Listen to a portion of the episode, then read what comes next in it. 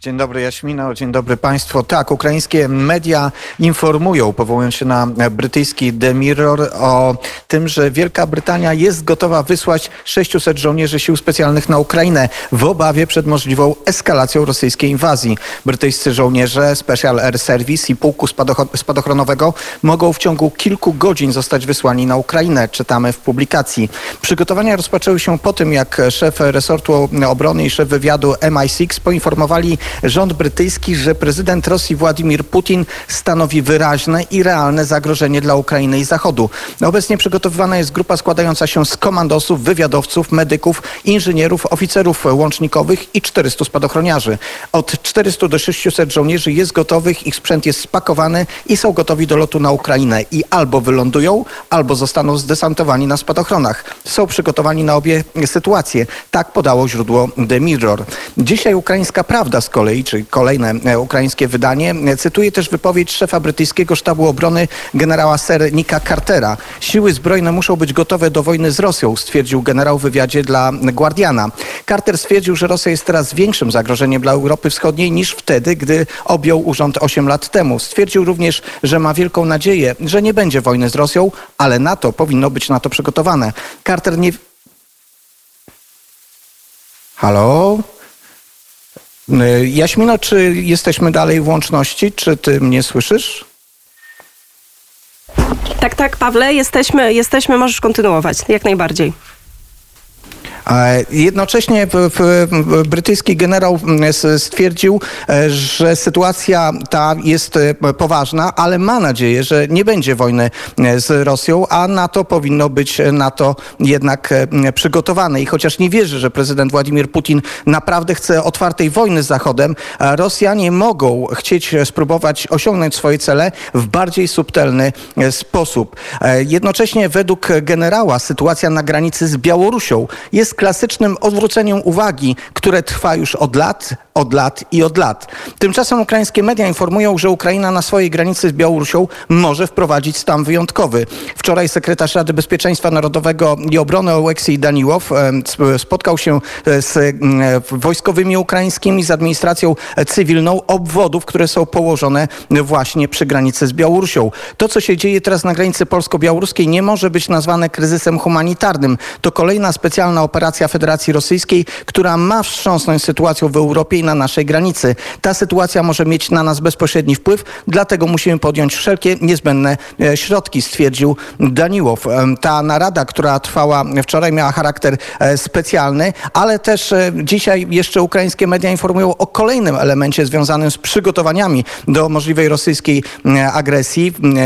Wczoraj Ukraina otrzymała około 80 tysięcy kilogramów amunicji ze Stanów Zjednoczonych. Ukraińskie media cytują tutaj informacje ze Stan z ambasady Stanów Zjednoczonych na Ukrainie. To czwarta dostawa pomocy militarnej ze Stanów Zjednoczonych, którą prezydent Biden zadeklarował w sierpniu tego roku o wartości 60 milionów e, dolarów. Jednocześnie ambasada przypomina, że od 2014 roku Stany Zjednoczone udzieliły Ukrainie ponad 2,5 miliarda dolarów e, pomocy w zakresie bezpieczeństwa. Bardzo dziękujemy. To był Paweł Bobołowicz prosto z Kijowa, z którym jeszcze dziś usłyszymy się w wywiadzie głównym w drugiej godzinie poranka wnet, tuż po godzinie 8.10. Drodzy Państwo, z Kijowa błyskawicznie przenosimy się do studia Tajpej, bo tam po drugiej stronie czeka już nasz korespondent Ryszard Zalski. Studio Tajpej. Studio Tajpej. Tajpej.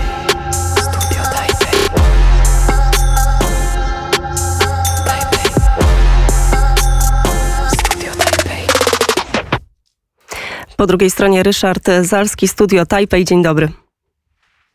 Dzień dobry, witam z ciepłego Tajpej, zarówno słuchaczy, jak i redakcję. Dzisiaj mam dwie wiadomości. Pierwsza to taka, że dzisiejszej nocy ma dojść do wirtualnej rozmowy między przywódcami USA i Chin. Poprzednia miała miejsce we wrześniu i była to druga rozmowa od inauguracji prezydenta. W obu przypadkach inicjatywa wyszła ze strony amerykańskiej. Zgodnie z doniesieniami Financial Times, Podczas poprzedniej rozmowy Chińczycy nie odpowiedzieli na prośbę Amerykanów o bezpośrednie spotkanie obu przywódców, czyli była to porażka prezydenta Bidena. E, nie należy się jej nadal spodziewać. W tej chwili Biden e, nie za bardzo ma jak na rozmówcę wpłynąć. A ten znowuż nie bardzo ma powody, by na cokolwiek się zgodzić, na jakieś ustępstwa, których Amerykanie się domagają. Głównym powodem jednakże do, jest, może być prośba e, przewodniczącego Xi o żeby prezydent Stanów Zjednoczonych przyjął zaproszenie na Igrzyska Olimpijskie. Jest to dla Chińczyków oczywiście bardzo, bardzo ważne. Państwa G7 mianowicie już planują bojkot tych igrzysk, żeby wysłać tylko powiedzmy sportowców, a bez udziału oficjeli. Prośba taka postawiłaby Bidena w bardzo trudnej sytuacji, która jednak wiele by nam wyjaśniła. E, ponadto jestem ciekaw, czy ponownie tym razem pojechałby z nim syn, który kilka lat wcześniej wrócił e, z takiej oficjalnej wizyty e, w Chinach z wartym półtora miliarda dolarów sponsorowanym przez Chińczyków funduszem. Nie bardzo widzę też szansę na poruszenie przez prezydenta kwestii pochodzenia i dochodzenia w sprawie wirusa z Wuhan. Na zakończenie mogę dodać, że były, były wiceprezydent tak chętnie powołuje się na bliską jego więź i przyjaźń, która ma łączyć obu przywódców. Będzie więc tym razem okazja, by sprawdzić, czy przyjaciele pomogą sobie w potrzebie. Druga wiadomość jest bardziej lokalna i dotyczy jest miła dla mieszkańców Tajpej, bo zostało miasto to wybrane przez Lonely Planet drugim najciekawszym do odwiedzenia miastem na przyszły rok. Na decyzję taką wpłynęło m.in. sprawne zwalczanie wirusa z Wuhan, ekscentryczność miasta, przyjazność mieszkańcom oraz doznania kulinarne. O walorach miasta opowiadałem w trakcie rozmowy z redaktorem Skowrońskim inicjującej studio Taipei. Mogę dodać od siebie, że kiedy przyjechałem tu dwie dekady temu, to sprawiło ono na mnie wrażenie dosyć przygnębiające. Zaniedbane budynki i smutna, nudna architektura. W międzyczasie jednak wiele zmieniono. Rozbudowano tanie, czyste i bezpieczne metro, którego linie łączą praktycznie wszystkie części stolicy. stolicy. Wypożyczalnie rowerów, co zmniejszyło wszystko razem zanieczyszczenie powietrza. Lubiane są także nocne rynki, a także ogrom wspaniałych, niedrogich restauracji i bezpieczeństwo zapewnione w Tajpej. Dziękuję bardzo i życzę miłego dnia. Serdecznie dziękujemy. Ryszard Zalski, studio Taipei. No to teraz wędrujemy mm, do Libanu, bo tam e, po drugiej stronie czeka już gospodarz studia Bejrut w Radiu Wnet, pan Kazimierz Gajowy. Dzień dobry. Dzień dobry. Dzień dobry. Dzień dobry pani, dzień dobry państwu. No i oddajemy panu w głos. Libanie... Kilka, mhm, kilka słów, kilka chwil dla Libanu. E, tak, e, szanowni państwo, drodzy słuchacze, e, no z Libanu mam tylko jedną dobrą wiadomość, wspaniałą, bo mimo tego, że mamy połowę listopada, pogoda jest świetna, wspaniała, słoneczna. Praktycznie można by powiedzieć, że nasze polskie lato i to lato piękne. Pozostałe informacje są bardzo, ale to bardzo złe. Chyba ta najgorsza to to, że niedawno po tak długim oczekiwaniu powstały rząd pana Nadziba Mikati. Praktycznie ten rząd nie istnieje. E, turyści z Polski, których tutaj właśnie dzisiaj goszczę w studiu Bejrut ze mną razem i nas słuchają na żywo, po prostu uważają to państwo za upadłe. Tutaj tak naprawdę w tym momencie nic, ale to nic nie funkcjonuje. Praktycznie e, ludzie sami w jakiś sposób się układają, e, sami niejako stanowią takie lokalne prawa, no chociażby po to, żebyśmy się wszyscy nie pozabijali i żebyśmy jako tako, mimo tego kryzysu, funkcjonowali. Znawcy mówią, że ten rząd nic już nie zrobi.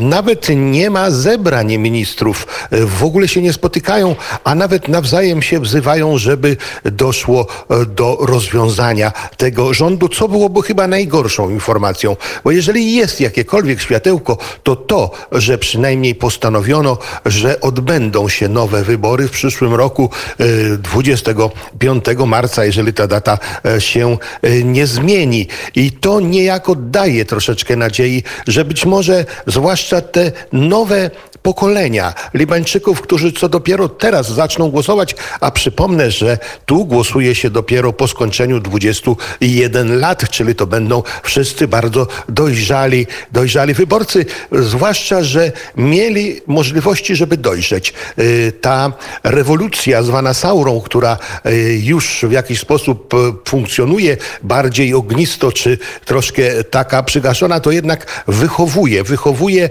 tych nowych no, elektorów, żeby wybrać porządnie. Przede wszystkim powinniśmy skończyć e, z tą grupą, no już staruszków, którzy mundury wojskowe, mundury poszczególnych milicji, jak to tutaj mówimy, zamienili na garnitury i na krawaty. Następne złe wiadomości, ale to okropne, to są ceny.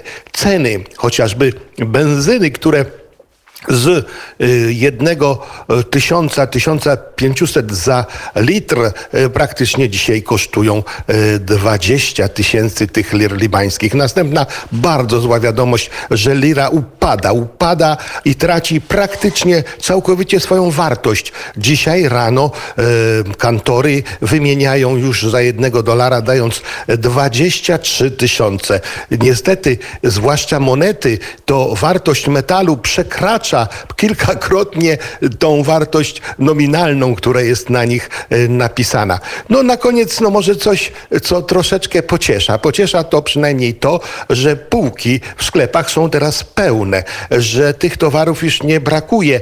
Jednak tego, czego brakuje najbardziej, to właśnie pieniędzy, bo tak jak zarabiano w lirach libańskich około miliona tych lir, tak i dzisiaj y, ci ludzie te same liry zarabiają, z tym, że ich wartość spadła y, czasami piętnastokrotnie. Wczoraj cieszyliśmy się, że Polska o nas pamięta. Cieszyliśmy się, że są również y, zbierane oferty, pomoc, również materialna, ale my tutaj razem z Fundacją Fenicja i z Radiem Wnet propagujemy inny sposób pomocy pomocy, bardzo szybki i godny. To są Christmas Gift Card, czyli świąteczne karty pomocy, by móc szybko, bezpośrednio, bo przecież towary już są, czyli każda rodzina może pomóc bardzo szybko rodzinie libańskiej, by mogła zrobić zakupy na te zbliżające już się święta, bo przecież dzieci też mają prawo, e, chociaż żyją w tak trudnych sytuacjach, by tym świętem się pocieszyć, a rodzice mają prawo, żeby tym dzieciom to wszystko zapewnić. I ostatnia rzecz, my nie wysyłamy wam żadnych uchodźców na granicę białorusko-polską. Jak dotychczas znamy jeden przypadek fryzjera, który tam dotarł i opowiedział nam za ile, bo za 4000 dolarów. Już on wrócił tutaj do Libanu, bo Polski Czerwony Krzyż mu pomógł wrócić. Białorusini nie chcieli tego zrobić, wręcz przeciwnie, zmuszali go do pozostania. Mówili mu, albo umrzesz na granicy, albo umrzesz w Polsce. Wybieraj. Także e, my tutaj pomagając Libańczykom, pomagając Syryjczykom, pomagamy wam, drodzy Polacy, wam, e, drodzy obywatele Unii Europejskiej, zatrzymując tych, co naprawdę potrzebują e, tutaj na miejscu i oby ta pomoc rosła. Pozdrawiam wszystkich serdecznie i do usłyszenia jutro o 9.10 w studiu Bejrut. Serdecznie dziękujemy. Kazimierz Gajowy, gospodarz studia Bejrut. To, drodzy Państwo, było połączenie e, z Libanem. Teraz mamy na naszym zegarze godzinę 7.36. E, już za kilka chwil e, połączymy się z Wilnem, ale zanim to nastąpi, to może chwila dobrej muzyki. Przed nami w końcu to poranek i rozpoczynamy nasz tydzień, poniedziałek. Skoro tak, to może rozpocznijmy go energetycznie z Aretą Franklin, I Say a Little Prayer, a my wracamy już za kilka chwil.